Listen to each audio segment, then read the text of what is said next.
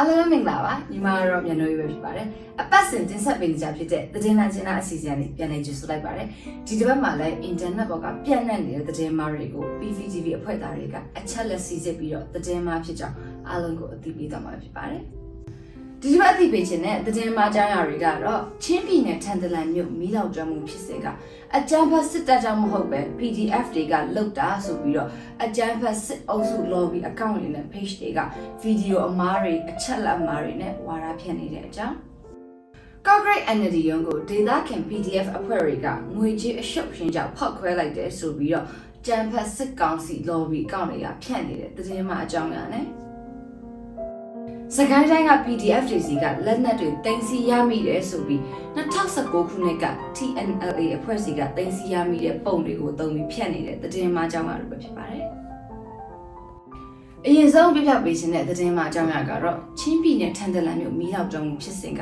အကြမ်းဖက်စစ်တပ်ကြောင့်မဟုတ်ပဲ PDF အဖွဲ့တွေကမီးရှို့တာကြောင့်ဖြစ်တယ်ဆိုပြီးတော့အကြမ်းဖက်စစ်အုပ်စု lobby account တွေက page တွေ group တွေနဲ့ Telegram channel တွေမှာဖြန့်နေတဲ့သတင်းမှအကြောင်းအရာပဲဖြစ်ပါတယ်။ အဲ့ဒီသတင်းမှကိုဟန်ငင်းဦးဆိုတဲ့အကြမ်းဖက်စစ် lobby စာမျက်နှာကနေစတင်ဖြန့်ဝေခဲ့တာဖြစ်ပြီးတော့တခြားစစ် lobby စာမျက်နှာတွေနဲ့ group တွေမှာလည်းမတူညီတဲ့အကြောင်းပြချက်မျိုးစုံနဲ့ထန်တလန်မြို့မီးလောက်ကျွမ်းတာက PDF တွေရှို့တာဆိုပြီးတော့ဝါဒဖြန့်ချီနေကြတာပဲဖြစ်ပါတယ် ဟန်နျူးဆိုတဲ့အကောင့်ကတင်ခဲ့တဲ့သတင်းအမှားမှာသုံးခဲ့တဲ့ပုံတွေကို reverse image search တွေနဲ့ internet ပေါ်မှာအချက်လက်စစ်ဆေးကြည့်လိုက်တဲ့အခါမှာတော့အဲ့ဒီပုံတွေကလွန်ခဲ့တဲ့ September 18ရက်နေ့ကဖြစ်ပွားခဲ့တဲ့ဖြစ်စဉ်တစ်ခုရဲ့ဗီဒီယိုကပုံတွေပဲဖြစ်နေပါတယ်။အဲ့ဒီဗီဒီယိုကို screenshot ရယူပြီးပုံမှားရိုက်ပြီးသတင်းအမှားဖြတ်နေတာပဲဖြစ်ပါတယ်။ အဲ့ဒီတော့ကဖြစ်စဉ်ကိုထန်တလန်ဒေသခံတအုပ်က Facebook မှာဓာတ်ရိုက်ထုတ်လွှင့်ခဲ့တာပဲဖြစ်ပါတယ်။နောက်ထပ်မတူညီတဲ့အကြောင်းအရာနဲ့ဖြန့်နေတဲ့သတင်းမှာတော့ချင်းပြည်နယ်ထန်တလန်ဒေသခံချင်းလူမျိုးတို့ဦးရဲ့ရင်ဖွင့်တန်းဆိုတဲ့ပုံစံနဲ့အကောင့်တူကနေ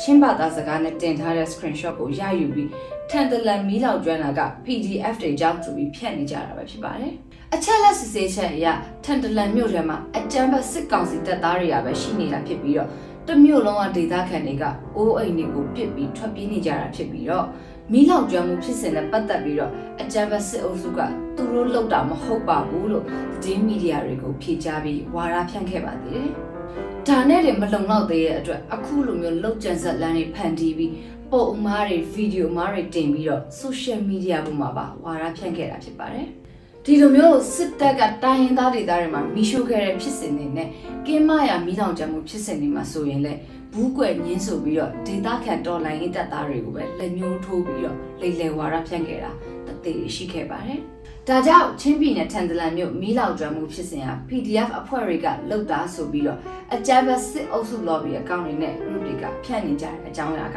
သတင်းမှဖြစ်ကြောင်းအားလုံးကိုအသိပေးချင်ပါတယ်။ တက်မတော်တာအမိတက်မတော်တာအဖားတဲ့တချင်ရမြို့လေကောင်ဆိုင်းဖို့ကြီးတွေမှာစာလုံးကြီးတွေဟီးနေတာမြင်မှုကြရမဟုတ်လားတကယ်တော့အိတ်ဆောင်ဘုတ်ကမဆုံးသေးပါဘူးအိတ်ဆောင်ဘုတ်နောက်မှာဝကြလေးနည်းနည်းလေးထပ်ဖြည့်ချင်ပါသေးတယ်အဲ့ဒါကတော့တက်မတော်တာအမိတက်မတော်တာအဖတက်မတော်လာမှမြို့ပြကြတဲ့ကဲအခုမှပြီးဆုံးသွားပြီမဟုတ်လားရှင် နောက်ထပ်အသိပေးရှင်တဲ့သတင်းမှအကြောင်းအရာကတော့ Corporate NLD ရုံးကိုဒေသခံ PDF အဖွဲ့တွေကငွေကြေးအရှုပ်ရှင်းကြောင့်ဖောက်ခွဲလိုက်တယ်ဆိုပြီးဖြန့်နေတဲ့သတင်းမှအကြောင်းအရာပဲဖြစ်ပါတယ်။အဲ့ဒီသတင်းမှကိုအကြမ်းဖက်စစ်အုပ်စု lobby account တွေနဲ့ page တွေ group တွေကနေဖြန့်နေခဲ့တာဖြစ်ပြီးတော့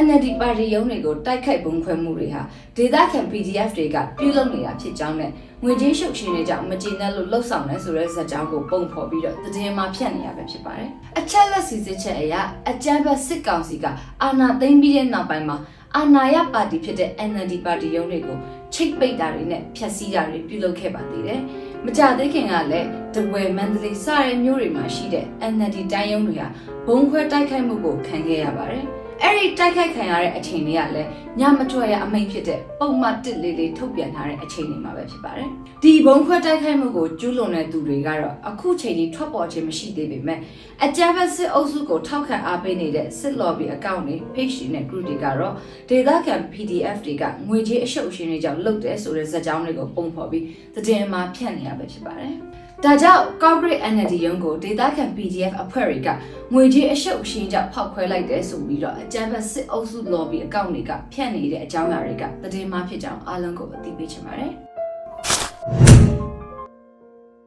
စိန်ချက်ကပိန်းထွက်နေတဲ့ခေါင်းကြီးတို့ရေအာနန္ဒာနဲ့ပဲပြောလိုက်ပြရစီရှင် PDF တွေလက်ထဲကလက်နက်မှန်သမျှတခြားဘယ်သူတော့မှအသုံးမပြုပါဘူး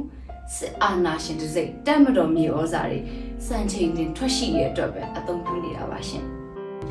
နောက်ဆုံးအနေနဲ့အသိပေးရှင်တဲ့သတင်းမှာအကြောင်းအရာကတော့စကိုင်းတိုင်း PDF တွေစီကလက်နက်တွေတင်စီမိတယ်ဆိုပြီးတော့2019က TNLA အဖွဲ့အစည်းကတင်စီမိတဲ့ပုံတွေကိုအသုံးပြုပြီးတော့ဖြတ်နေတဲ့သတင်းမှာအကြောင်းအရာတွေပဲဖြစ်ပါတယ်။ အဲ့ဒီသတင်းမှာကိုစစ် lobby အကောင့်တွေကနေ group တွေကို live ဖြတ်နေတာဖြစ်ပြီးတော့စကိုင်းတိုင်းကအလူပါဆိုပြီးရေးသားဖြတ်နေကြတာပဲဖြစ်ပါတယ်။အချက်လက်စစ်ဆေးကြည့်လိုက်တဲ့အခါမှာတော့စကိုင်းမှာလက်နက်တွေတင်စီမိတယ်ဆိုတဲ့သတင်းကိုစိတ်ချယုံကြည်ရတဲ့သတင်းမီဒီယာဌာနတွေကဖော်ပြထားခြင်းမရှိသလိုဒေသခံ PDF တွေကထုတ်ပြန်ထားခြင်းမျိုးလည်းမရှိပါဘူး။ ပုံတွေကို reverse image search နဲ့အချက်လက်စစ်ဆေးကြည့်လိုက်တဲ့အခါမှာတော့2019ခုနှစ် November လ22ရက်တုန်းကရှမ်းပြည်နယ်မြောက်ပိုင်းကြောင်မဲခရိုင်ပလောင်ကိုပိုင်အုပ်ချုပ်ခွင့်ရဒေသနမ်ဆက်မြို့နယ်ဟိုမင်းကြီးရွာမှာတအောင်လွမြောက်ရေးတပ်မတော် TNLA တစိပ်ပါတဲ့အလံတွေစစ်အုပ်ဝတ်စားတွေနဲ့လက်နက်ခဲယမ်းနဲ့လေယာဉ်ပစ်တုံးတချို့ကိုအကြမ်းဖက်စစ်တပ်ကရှာဖွေသိမ်းဆည်းရမိခဲ့စဉ်တုန်းကတည်င်းရဲ့ပုံတွေကိုတုံးပြပြီးတော့ဖြတ်နေရပဲဖြစ်ပါတယ်။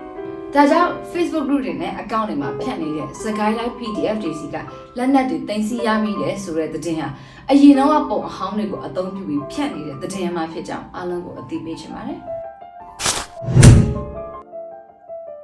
ကဲသတင်းမဆရာကြီးတွေခေါင်းစဉ်တက်ကြတဲ့စကိုင်းတိုင်းကအလူဆိုတာလဲမှားတော့မမှားပါဘူး။မကြခင်မှာစကိုင်းတိုင်းစီစစ်စင်ရင်ထွက်သွားကြတဲ့တက်လိုင်းခန်းတွေထဲကမုံဟင်းကအလူပေးတဲ့အိမ်တွေအများကြီးပေါ်လာတော့မှမှုလို့ပါ။